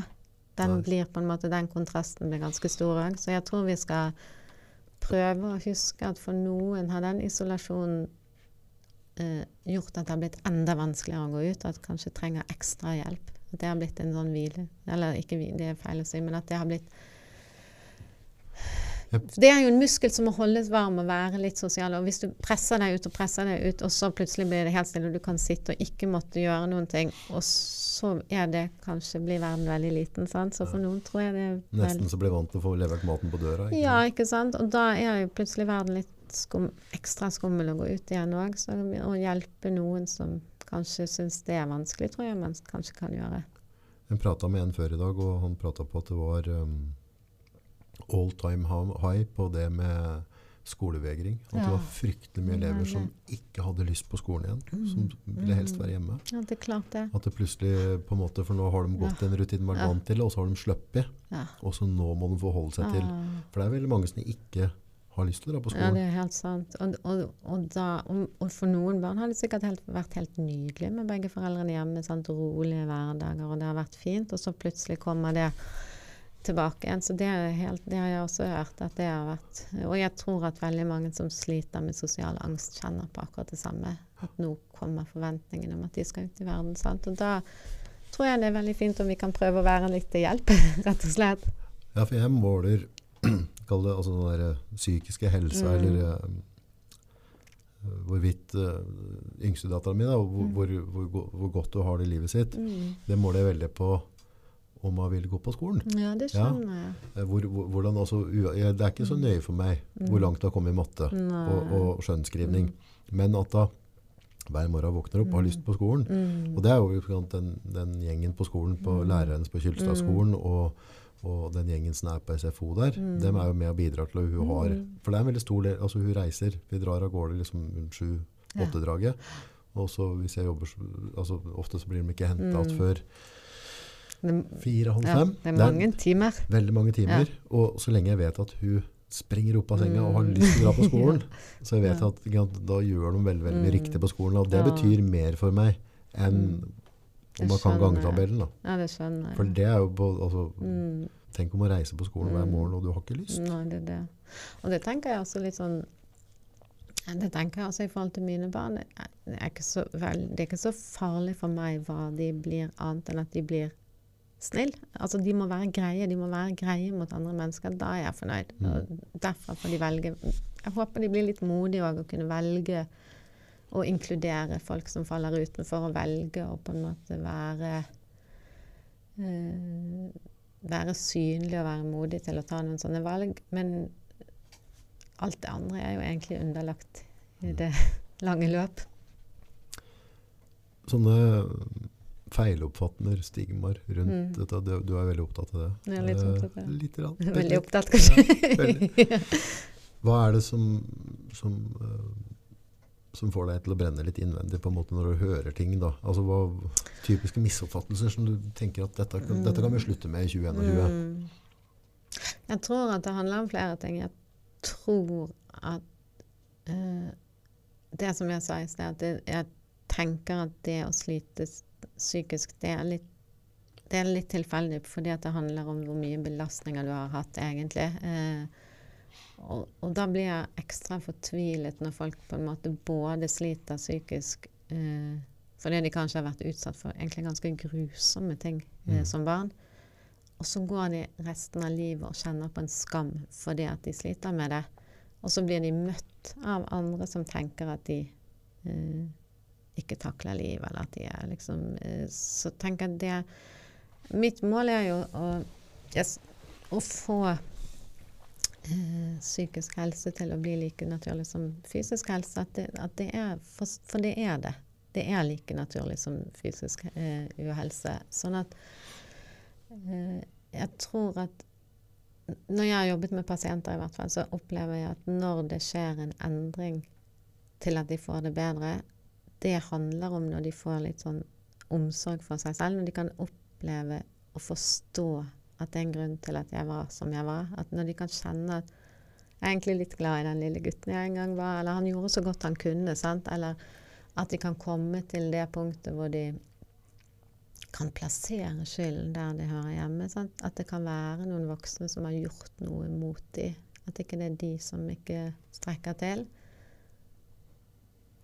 Eller for å si det med andre, når de klarer å få på en måte sortert det som har skjedd, litt i tid. For de kan kjenne at dette er noe som, som har skjedd men det er ikke jeg, jeg er ferdig med det også følelsesmessig. På, det vil alltid være en del av historien, men historien eier ikke meg. Jeg eier historien. Jeg kan gå og se på den. Kan, jeg kan gå ut. Den, den hjemsøker meg ikke på nattestid.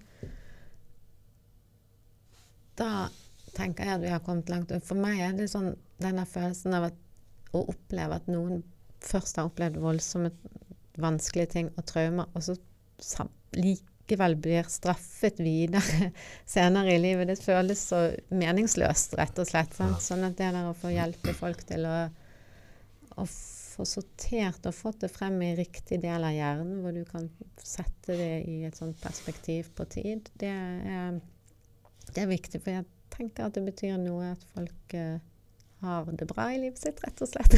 Det, ja. Det handler om å klare å være litt glad i seg sjøl. Mm. Og så er det jo ganske sånn sykt at La oss si at, eh, at um, La oss si du har vært grusom med meg Mm. som barn, og så uh, så har det på en måte fått påvirka meg veldig mye i den perioden. Mm. Og så på et eller annet tidspunkt så klarer ikke jeg å sortere, så jeg tillater deg å få lov til å fortsette å være Mm. Grusom de neste ti åra, der jeg Mm. kunne utvikla meg, kunne fått familie, kunne gjort ting. Mm. Så på en eller annen måte, måte så tillater jeg Mm. at du skal få være med. Det er ganske sjukt. Det er ganske At en må få plass. Han må liksom Ok, det som skjedde da, det skjedde da. Mm. Men det, det er som sier, den føl det er du som eier historia, da. Mm.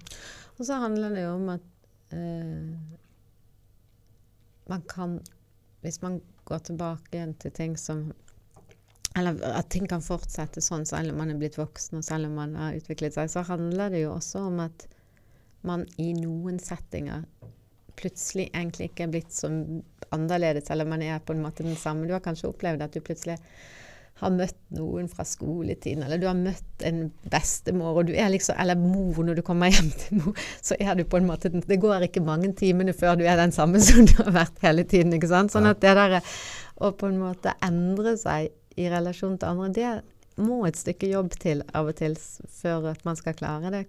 Fordi at um, og som, jeg, ja, jeg tenker jo at det, Hvis man har opplevd ting som er veldig vanskelig, sant, så kan man fort komme inn i La oss si at jeg hadde vært veldig stygg med deg, da. Mm. Så kan du fort komme inn i en sånn modus bare av å møte meg, hvor du egentlig er i full sånn beredskap. Sant? Eller du bare legger deg helt flat for å bare prøve å unngå minst mulig trøbbel her. Sant? Så, sånn at og det har jo vært nyttig en gang, og så kanskje man ikke helt uh, i den delen av hjernen skjønner at man faktisk har blitt voksen, og du trenger ikke være redd for meg lenger. ikke sant? Nei, nei, Men du sitter litt fast i det. Så det er jo noe av det vi jobber med. da, Å få plassert ting i den frontallappen hvor vi kan sortere at dette var fortid, og ikke Ikke nåtid. ikke sant? Ja. Ja, du prater litt på det, det er på en måte at du kan komme, om du kommer til mor, at du kommer tilbake igjen. Mm. Eh, og du har jo jobba og flytt, bodd i et annet land. ja. Ja. Opplevde du da, når du da på en måte kommer til et annet land, Mm. annet språk, annen kultur, eh, det er ikke naboer eller venner som Mm. kjenner altså, Var det litt rart å bli kjent med seg sjøl igjen uten at inntrykket ja. fikk lov til å, bestemme hvordan du, hvem du var? Veldig, og det som var veldig rart For jeg, jeg flyttet til en liten sånn spansk fjellandsby. Da hadde jeg med meg de to eldste. Og så eh, Jeg kunne jo ikke så mye spansk når vi flyttet dit, så har jeg tenkt eh, det er én ting jeg i hvert fall må gjøre. Jeg må kunne lære meg spansk, og det må ikke guttene må ikke oversette. De var tre og åtte da, for meg. Eh, men den følelsen når jeg satt med de andre, de gikk på spansk skole, da når jeg satt med de andre mødrene og jeg klarte å skjønne litt, men jeg klarte ikke å si noen ting. Jeg følte meg så utrolig lite smart. Sant? Jeg følte meg så dum. Mm.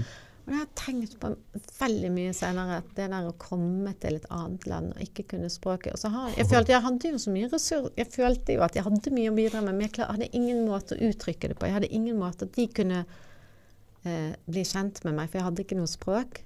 Så jeg kunne jo sitte og smile, men jeg følte meg jo egentlig bare veldig sånn dum når jeg satt der og smilte. ikke sant? For jeg hadde ikke noen Jeg hadde ingenting å si. Og det, det gjorde veldig mye for meg, og den der følelsen av em, å komme ny til et sted uten å ha noe med seg, eh, og, og heller ikke språk, det jeg har veldig respekt for de som starter på nytt, altså komme til et sted og, og, skal bli kjent på nytt. Det er ikke bare bare, i hvert fall når du skal lære deg et helt nytt språk òg. Jeg hadde jo et opphold i utlandet, men da hadde jeg på en måte engelsk, da. Mm. Og så var det òg andre tilflyttere der. Men, Men da, da fikk jeg noen, kamerater noen fra Irland, og Amerika, litt forskjellige. Mm. Og for meg da, så var det litt sånn, det var litt godt. Mm. For den ble kjent med meg, og den jeg fremviste der og da. Det var liksom ikke på hva jeg gjorde tidligere, eller ditt, eller, altså, Mm. det var, det var blanke ark og fargestifter, altså. Men det er interessant. Ja, så, så jeg kan oppleve det at hvis jeg er på ferie mer Mm. enn to uker, Mm. hvis jeg er heldig å få Mm. fire uker ferie, Mm. så går det ca. to uker, så kommer han Augusten som egentlig er meg fram. ja, hvem er det, det?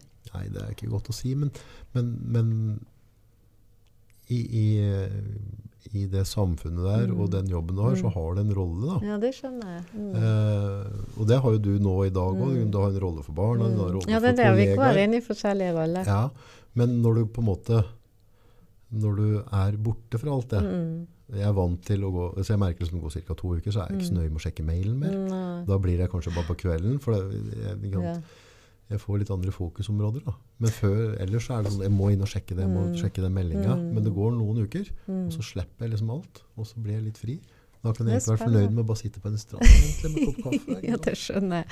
Og så tenker jeg på en måte at de rollene man går inn i For det var derfor jeg ble litt nysgjerrig på hvem er den. For jeg tror ikke jeg vet Jeg vet om at jeg kan være den siden og den siden og den siden og den siden, men alt er jo på en måte meg òg. Skjønner du? At det er på en måte eh, Men den som er egentlig meg, vet jeg ikke om jeg er én side mer enn de andre, men jeg kan i det å være menneske, så tror jeg det er der å kunne gå inn og, og, og ha forskjellige roller og ha forskjellige sider i seg selv er, er veldig fint, men jeg vet ikke når eh, det liksom er den som er egentlig meg. Eller forstår du forskjell? ja, ja. Jeg tror den egentlig meg er um, mye mindre komplisert. ja. Og, og mye lettere å få til å bli fornøyd. ja. Jeg har litt jeg har mindre, altså Krava mine ja. Så bare at jeg får lov til å sitte her i fred og ro med Mm. frokost. Og bare sitte her en time og ikke, ikke måtte rekke noe og tenke på noe. Mm. Ganske lett tilfreds. Mm. Ja, da er du på en måte litt i harmoni med det som Uten alt det andre styrer rundt, på en måte. Mm. Mm. Blir litt mindre oppjaga. Mm. Litt mindre klovn. Mm. Ja, det er spennende. Det er jo veldig spennende, det der med hvem man er, og hvilken roller, Ja, og hva man går vel, Ja, For vi blir jo, vi blir jo forma av samfunnet. Vi Ja, blir forma av vennene våre. veldig. veldig. Og så tror jeg det er noe i oss som, som ikke forandrer seg så mye. Sant? Det er alltid noe der. Det er en kjerne der. Og den av og til tenk, Jeg tenkte det i hvert fall som ung, at jeg sikkert kom til å endre meg litt. Men så tror jeg nok at jeg kanskje ikke har endret meg så mye. Sant? For det er noen, noen ting som ligger der som en sånn kjerne som er meg, og en kjerne som er deg, som vil være ganske lik. Så kan vi jo ha det i perioder bedre, eller vi kan ha mer energi, eller vi kan bli sett på litt annerledes ut fra hvilken setting man er. Men personligheten skal det litt til å endre. Mm. Helt klart. Ja. Du, det kan kanskje bli for annen, men hvis jeg har forstått rett, så er du ganske opptatt av kosthold òg? Eh, ja, det er har Forhold jeg til psykisk helse? Ja, det er faktisk. Nei, jeg snoker litt på nettet. Ja, du snoket litt på nettet. Ja. Jeg synes, tror at det er kjempeviktig. Um, vi vet en del om det òg, at det er viktig å um, Jeg tror for det første så er det en del sånn Bare det å spise en del grønnsaker og spise fisk og spise Det er masse Man sier for Jeg håper ingen arresterer meg, men at du produserer Jeg tror det var 100 ganger så mange hormoner i tarmen som i hjernen. Mm. Så det er ganske spennende sånn, hva man spiser. Og det, jeg tror at det er en side som blir mer og mer eh, viktig i psykisk helse. At det vi spiser, det eh, har mye å si for psykisk helse. Og jeg, vi vet jo at mangel på f.eks. D-vitaminer kan gjøre at folk blir deprimert. Sånn, Mm. sånn at det, det feltet er ganske nytt og ganske stort, men det er utrolig viktig. Og vi er i hvert fall opptatt av at når pasienter er innlagt hos oss, så skal vi gjøre det vi kan for å tilrettelegge for at de skal få god, mm, et godt kosthold, hvis det kan hjelpe til med den psykiske helsen. Og der har vi egentlig lyst til å se enda mer på det videre, og utvikle det enda mer. For eh, det fins en del spennende forskning på det nå òg, hvordan det virker inn på, eh, på den psykiske helsen, det du spiser. Kanskje vi skal ta, ta en egen podd om det litt senere? Ja, det hadde vært Ja. gøy. Sleng på noen meldinger, folkens, hvis dere vil at vi skal ta en prat rundt det. Ja, da er nok ikke jeg den aller beste å snakke med om det, for det finnes folk som er mye bedre enn meg på Ja, det. men Men jeg brenner for sette, det. da kan vi sette oss litt inn i det. Ja, da kan vi sette oss litt inn i jeg det. er veldig, enkelt, enkel, da. Så Ja. du, du blir det du spiser. Ja. Ja. Ja. ja, det tror jeg også. også tror jeg tror syke, nei, kosthold er viktig. Og så tror jeg veldig på uh, fysisk aktivitet òg. Man sier jo at eh, Tarm gjerne. Ja, Det er, tarm det er mange bøker rundt. Det altså. er veldig mange bøker rundt, så det er så viktig. Eh, og så tror jeg som sagt både hva du spiser, men også bevegelse. Sant? At Mm. det der med fysisk aktivitet De sier jo at eh, det er gjort et stort forskningsstudie på at psykisk helse, eller fysisk aktivitet gjør mer for fysisk helse enn ja, veldig mye medisiner gjør. Sant? Sånn at hadde den eh, effekten man får av fysisk trening vært mulig å ta i en pille, så hadde de vært en milliardær som hadde funnet opp det. så det er Så- spennende. Avslutningsvis. Mm. Det sitter helt sikkert noen Mm. og, og lytter nå som, som føler på ting som ikke er bra. Mm. Kanskje som på en måte Du prater litt på grenser på hva, altså, som med, med, med selvmord Mm. og den biten der. Mm. Har du noen beskjed å sende hjem til dem? Hva, hva, er det noen grep? Mm. Ja, det er, jeg har flere beskjeder. Det første tenker jeg er at de bør prøve å få snakket med legen sin eller noen de kjenner, og få hjelp. Er det noe utsatt, eller er det noe som bør skje med en gang? Det bør jo skje med en gang. Og så tenkte jeg at en annen ting er at det kan være at man blir stående på venteliste lenger enn man egentlig kjenner at, at det er så lett å forholde seg til. Eh, men jeg tror at folk som tenker på å ta livet av seg, eller tenker at livet ikke er verdt å leve, de tenker ofte at det er ingen som kommer til å savne dem, eller at folk vil ha det bedre eh, uten dem, fordi de opplever ofte at det er en belastning. Men jeg har aldri hørt om et menneske som har tatt livet av seg, hvor det ikke har sittet igjen mange mennesker, og i hvert fall noen som har lurt på hva, hvordan kunne dette skje, og hvorfor var ikke jeg nok til at du kunne leve videre. Eh, så jeg er helt sikker på, selv om ikke det kjennes sånn ut nå, at det vil være noen som vil sitte igjen med et stort savn og mange ubesvarte spørsmål. Derfor så er det bedre å snakke med noen og få hjelp. Og livet blir jo bedre. Det blir bedre for de aller fleste hvis de får litt hjelp. Det har du sett mye av. Det har jeg sett mye av, og det er et lite mirakel hver gang. Og jeg har hørt folk som sier at um, uh, jeg, trodde ikke det. jeg trodde ikke det. Jeg hadde egentlig gitt opp. Men det at noen kan være der og tro før jeg kan tro på det, og håpe før jeg kan håpe på det, det har gjort mye. Så hvis du ikke kjenner at du selv kan tro eller håpe på at det skal bli bedre, så få noen til å gjøre det sammen med deg. Da kan man tåle det bedre. Og vi har sett og Vi har hatt pasienter som har sagt at de har fått livet i gave, rett og slett, eller fått livet tilbake. Så det, det er sterkt. En ny sjanse. Eller en Ja. ny runde. Ja, ja, rett og slett. Sant? At det blir lysere, rett og slett. Det handler om å, å lokke kapittellivet og åpne nye. Mm, det gjør det. Det går an, det faktisk. Det gjør faktisk det. Og det er fint å vite òg. Og selv om man har hatt en skikkelig kjip start, så betyr jo ikke det at resten av livet må være sånn.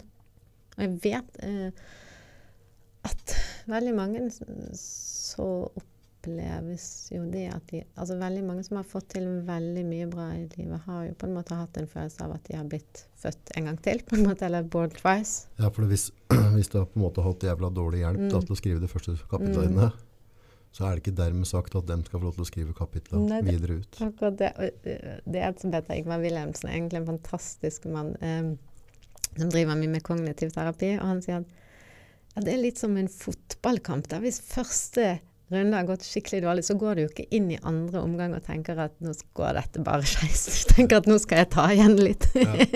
så jeg tenker at kanskje man kan tenke litt sånn i livet, for det blir, og det kan bli, veldig, veldig mye bedre. Veldig. Jeg vil gjerne takke Tor Arne, som Mm. har tipsa deg inn. Han har jo vært på der tidligere og snakka om angst. Ja. Eh, og han, eh, han framsnakker dere noe helt grønnjævlig. Dere er har betydd vanvittig mye for han. Så, så um, det dere driver med der, Mm. har uh, virkelig, virkelig Nå kjenner jeg ikke Mm. mange som har vært inne hos dere, men jeg vet Mm. fra han, så, så har det betydd forferdelig mye. Mm. Jeg er veldig stolt av han, ordentlig tøff, han kjører på. Mm, veldig. Veldig kult. Og det kan jeg jo si at det er jo veldig hyggelig å få sånne tilbakemeldinger. Så jeg er jo Vi har vært utrolig heldige med at vi har opplevd at de som har vært eh, hos oss òg, har, har Vi har dratt i samme retning, da. Sant? Og det å få lov å være et sted som eh, ja, som folk vil så vel. Det er veldig fint, for da kan man hjelpe hverandre. Enkelt og greit. Ja. Minner folk på at hvis de liker innholdet, så setter vi pris på om de deler, og vi får Mm. noen likes, og det er lov å bruke kommentarfeltet Mm. til positive ting. Ja, Koselig, koselig med debatter. Ja. Og utrolig hyggelig å få lov til å hilse på deg, og setter veldig pris på at du tok deg tid til å komme og, og prate med oss. Det er veldig, veldig flott.